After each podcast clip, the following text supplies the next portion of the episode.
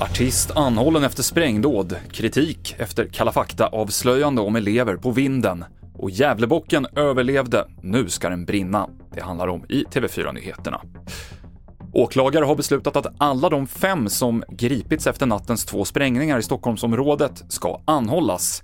Vid det ena sprängdådet i Grimsta i västra Stockholm är en känd rappare en av de anhållna och en annan rappare bor på adressen som utsattes. Sen juldagen så har det varit två dödsskjutningar och flera andra grova våldsbrott som skett i Stockholm. All vår rapportering om dåden finns på tv4.se. Malmö stad slår fast i en utredning att Sorgenfriskolan har brustit när barn placerades i ett litet rum på fjärde våningen för särskild undervisning. Den dåvarande rektorn visste att barnen i rummet på vinden inte fick tillräcklig undervisning, något som Kalla fakta kunde avslöja i våras. Flera av eleverna som placerades på vinden har nu blivit dömda för brott.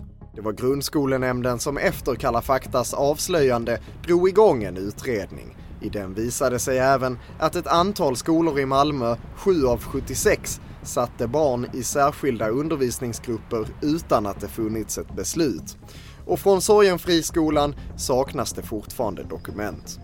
Det behöver vi titta närmare på för det kan inte anses vara rimligt att man inte kan uppvisa eh, någon dokumentation under de åren som man faktiskt har haft särskilt stöd. Så att det är allvarligt. Det sa John Eklöf som sitter i grundskolenämnden i Malmö, reporter här Gustav Röriksson. Antalet konkurser under hösten var det högsta på 10 år. Under det andra halvåret ökade konkurserna med 22% jämfört med samma period 2021, visar statistik från kreditupplysningsbolaget UC.